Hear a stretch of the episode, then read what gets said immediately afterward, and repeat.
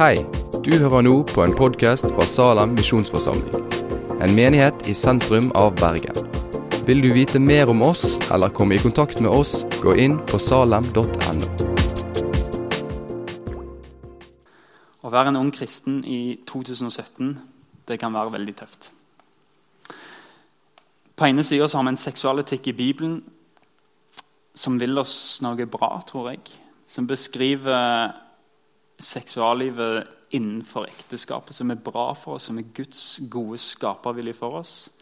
På den andre sida så har du et seksualisert samfunn. Du ser sex overalt. På busstoppreklamer. Alle snakker om det, alle skriver om det, alle TV-serier. Og på den andre sida har du òg ditt eget begjær, våre lyster. Jeg vet ikke om du kjenner deg igjen i det. To mot én din lyst, din naturlige dragning, samfunnet mot Bibelen. To mot én. Samfunnets forventninger og begjæret ditt mot Bibelen. Og så blir det feige lag. Og så erfarer vi mange som sprekker, eller som, som faller.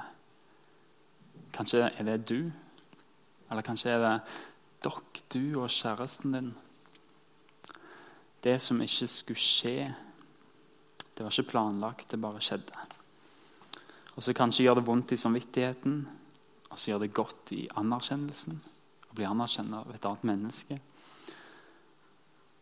Og så ble det flere ganger, og så ble det en vane. Og så kjenner du plutselig støkk i det. For andre så er det kanskje Internett som er problemet annonser som er så veldig lette å trykke på. Eller den sida som allerede lå i søkeloggen. En reklameplakat som var så utfordrende at fristelsen ble for stor.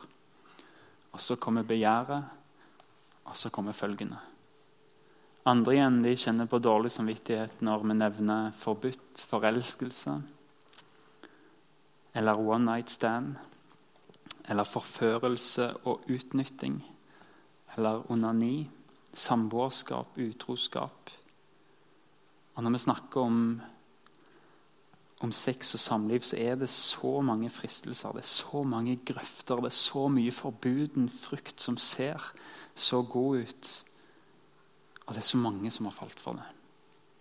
Det er så mange kristne som har gjort det.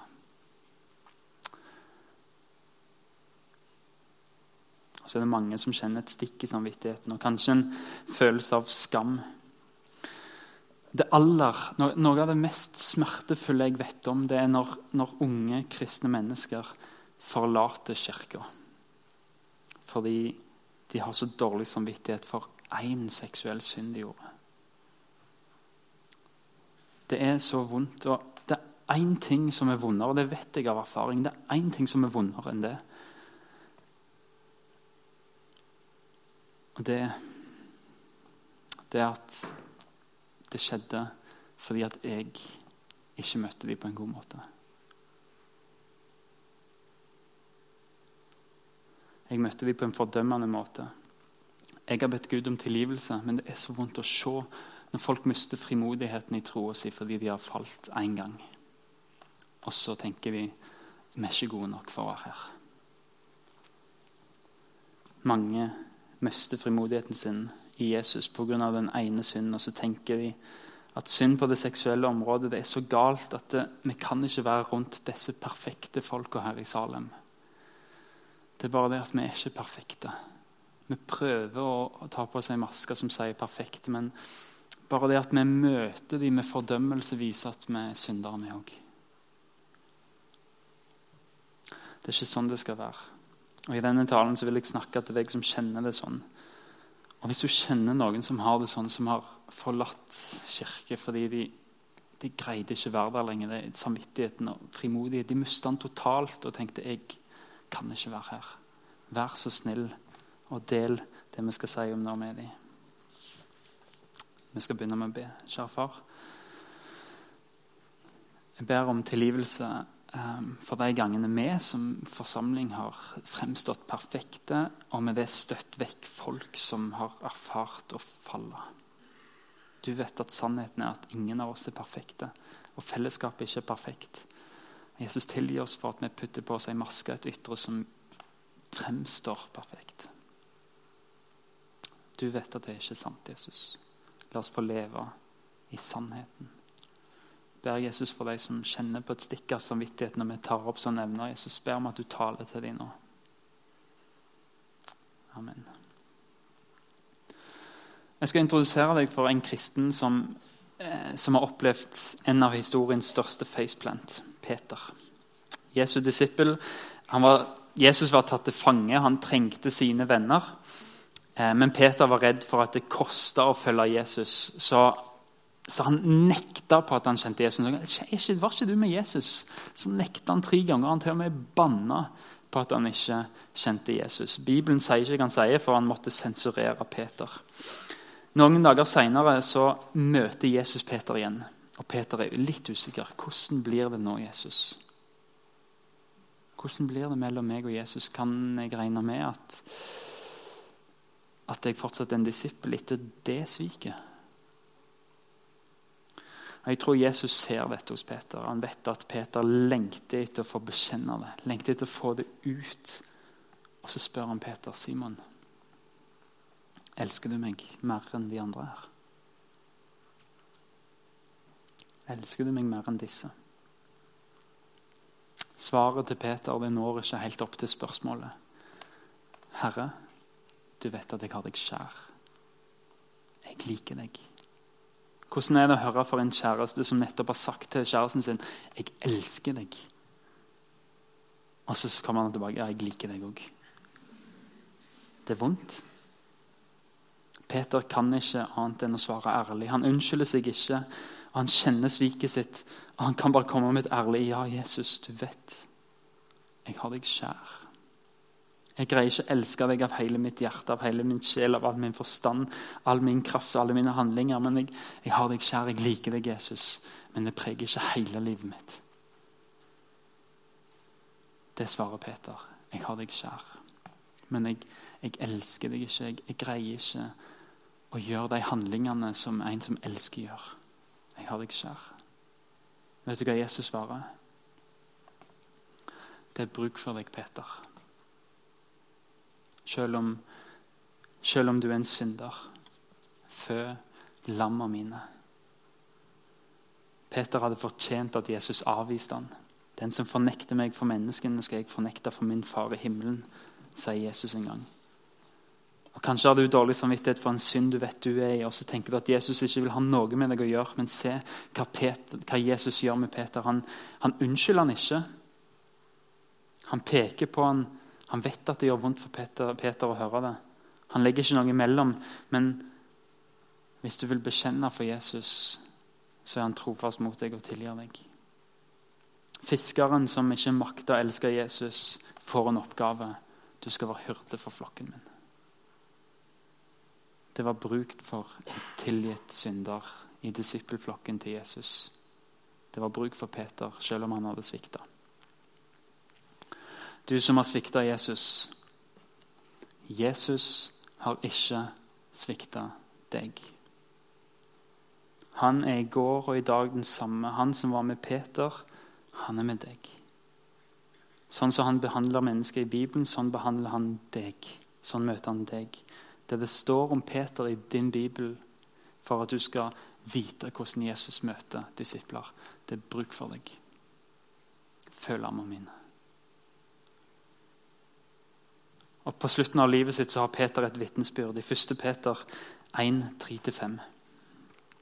Lova være Gud, vår Herre Jesu Kristi Far, Han som i sin rike miskunn har født oss på ny til et levende håp ved Jesu Kristi oppstandelse fra de døde, til en arv som aldri forgår, aldri skitnes til, aldri visner. De er gjemt til himmelen for dere, dere som i Guds kraft blir bevart ved tro, så dere når fram til frelsen.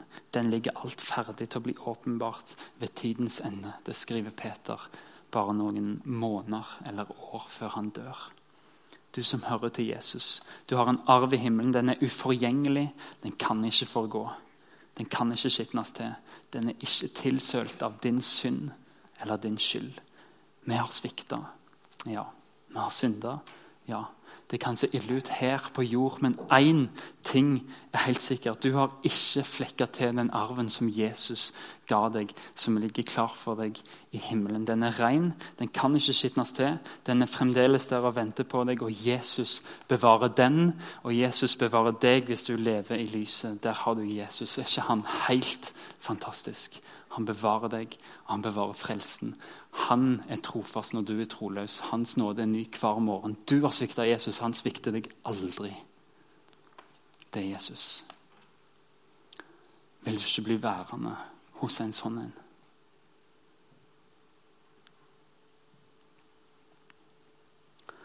Vi skal lese om hvordan Jesus tar imot ei kvinne som er grepet i seksuell synd det som ga dødsstraff ifølge lova på den tida. Det står i Johannes 8.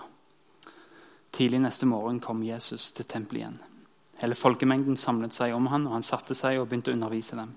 Så kom de skriftlærde og fariseerne med en kvinne som var grepet i ekteskapsbrudd. De førte henne fram og sa, 'Mester, denne kvinnen har grepet på fersk gjerning i ekteskapsbrudd.' I loven har Moses påbudt oss å steine slike kvinner, men hva sier du? Dette sa de for å sette ham på prøve, så de kunne få noe å anklage ham for. Jesus bøyde seg ned og skrev på jorden med fingeren. Men da de fortsatte å spørre, rettet han seg opp og sa, 'Den av dere som er uten synd, kan kaste den første steinen på henne.' Så bøyde han seg ned igjen og skrev på jorden. Da de hørte dette, gikk de bort én etter én, de eldste først. Til slutt var Jesus alene igjen, og kvinnen sto foran ham. Da rettet han seg opp og spurte, 'Kvinne, hvor er de?' Har ingen fordømt deg? Hun svarte nei, Herre, ingen. Da sa Jesus, heller ikke jeg fordømmer deg. Gå bort og synd ikke mer fra nå av. Heller ikke jeg fordømmer deg. Gå bort og synd ikke mer fra nå av. I møte med mennesker så sier Jesus aldri 'skjerp deg'. Så hjelper jeg deg. Bli litt bedre, så skal jeg hjelpe. Litt flinkere, litt snillere, litt mer fram, litt finere i språket, litt mer perfekt.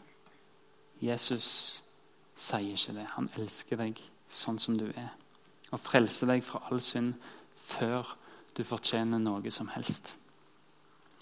Men legg merke til én ting med det Jesus sier. Heller ikke jeg fordømmer deg. Gå bort og synd ikke mer fra nå av. Jesus snakker til fortida til den kvinnen, og han snakker til framtida til den kvinnen. Han dømmer hun ikke for det som har skjedd, og han vil at hun skal leve rett fra nå av. Jesus er interessert i hele livet ditt. Både din historie og din fortid. Ingenting i din historie kan hindre deg fra å bli frelst. Det er ingenting Jesus ikke kan tilgi fra det du har gjort. Han tilgir.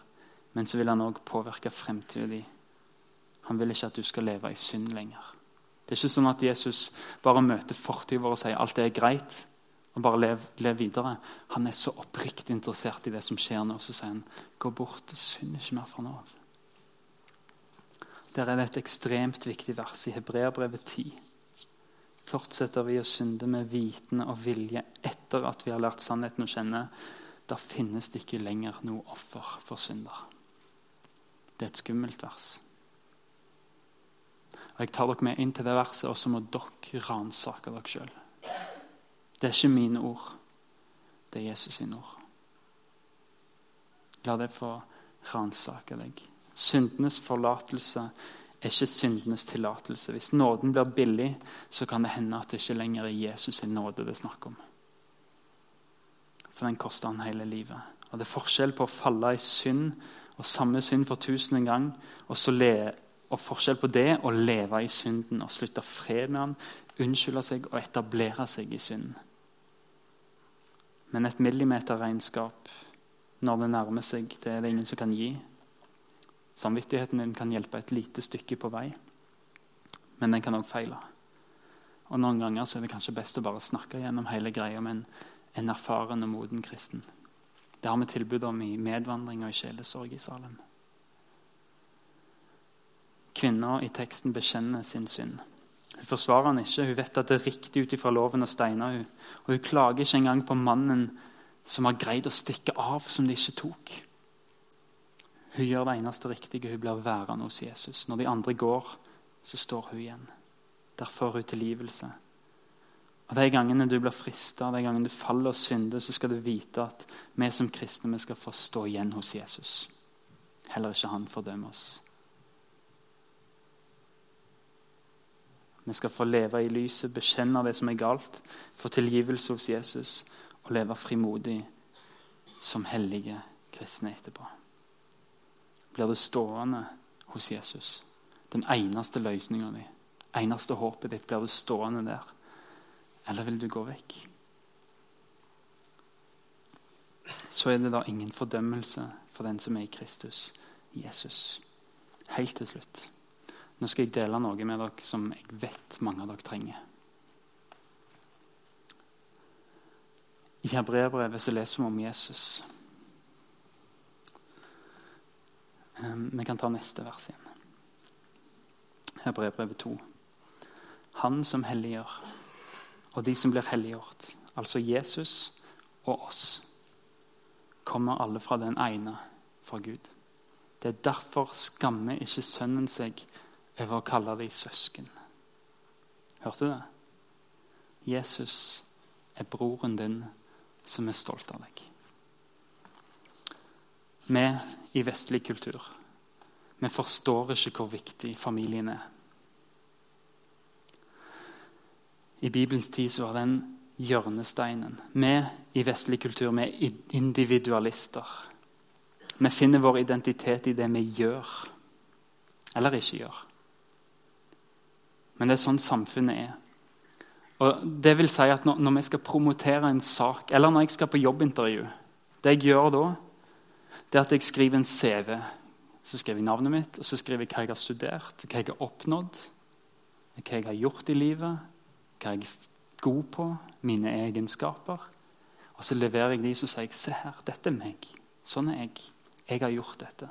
Så god er jeg. Men i østlige kulturer, i Bibelens samtid, det som Jesus snakker om her, da var det ikke du sjøl som bestemte hvem du var, men hvor du kom ifra. Hvem du kom ifra. Opphavet ditt. Du var et resultat av hvem du stamma fra. Det var derfor keiserne, når de skulle vise at de var rett til å være keiser, vet du hva de gjorde? De lagde slektstre. Og så faka de det til sånn at gudene ble liksom besteforeldrene deres. Og så sa de 'dette er meg'. Og når du skulle søke på jobb på den tida, så kom du med slektstreet ditt. Dette er pappa. Dette er bestefar. Dette er oldefar. Dette er min bror. Dette er min onkel. Og CV-en, det var slektstreet ditt. Og så var det sånn at eh, De du var stoltest av, de satt du helt øverst. De du skjemtes av, de tok du vekk. Du fjerna dem fra slektstreet ditt. Hvis du hadde for det første dama i slekta, det var Beklager, men det var sånn det var. Slektstre, sjelden damer. Aldri damer, nesten. Og Hvis du hadde en gal onkel, bare fjern han vekk. Ikke med. Du skjemtes over han, du tok han vekk, og så faka du til slektstreet ditt så sa du, dette er meg, dette er slekta jeg kommer fra. Og Hvor fantastisk er det ikke da at Jesus er broren som er stolt av oss? Når vi leser Matteus 1, vet du hva det er for noe? Det er Jesus sitt slektstre. Det er Jesus sin CV. Matteus 1 er Jesus sin CV. Og det forteller oss hvem Jesus er stolt av.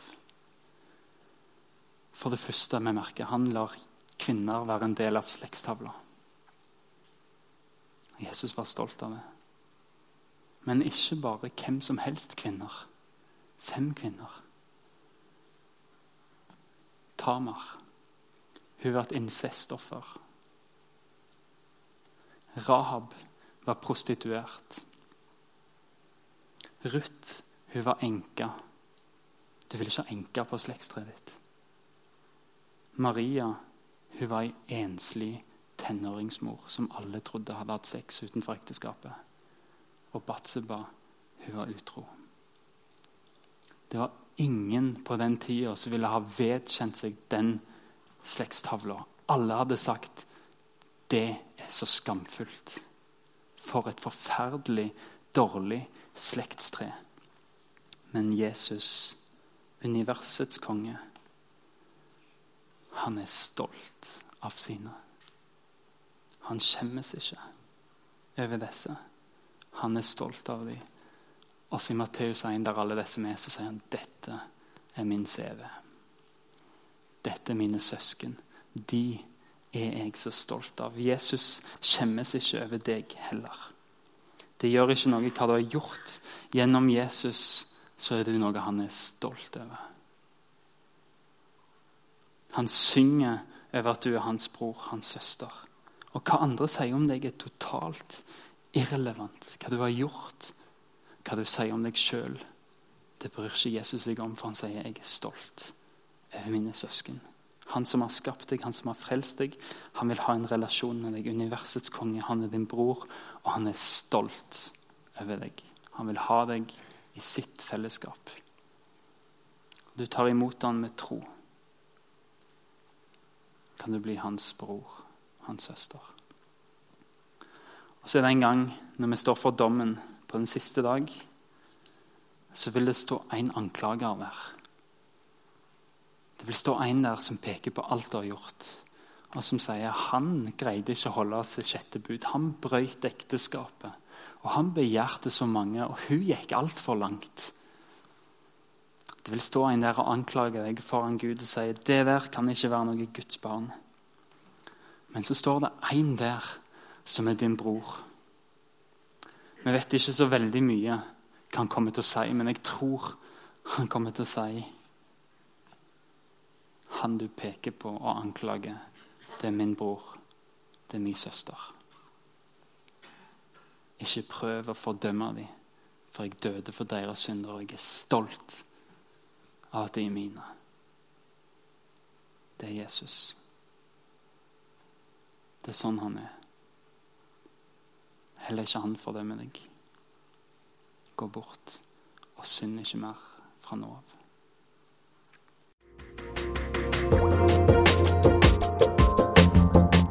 Takk for at du har hørt på podkasten fra Salem, Bergen. I Salem vil vi vokse i et stadig dypere fellesskap med Gud og med hverandre. Vi vil være Jesu hender og føtter, og vi vil være med og forkynne frelse for Bergen og resten av verden. Besøk oss gjerne på salem.no om du vil vite mer.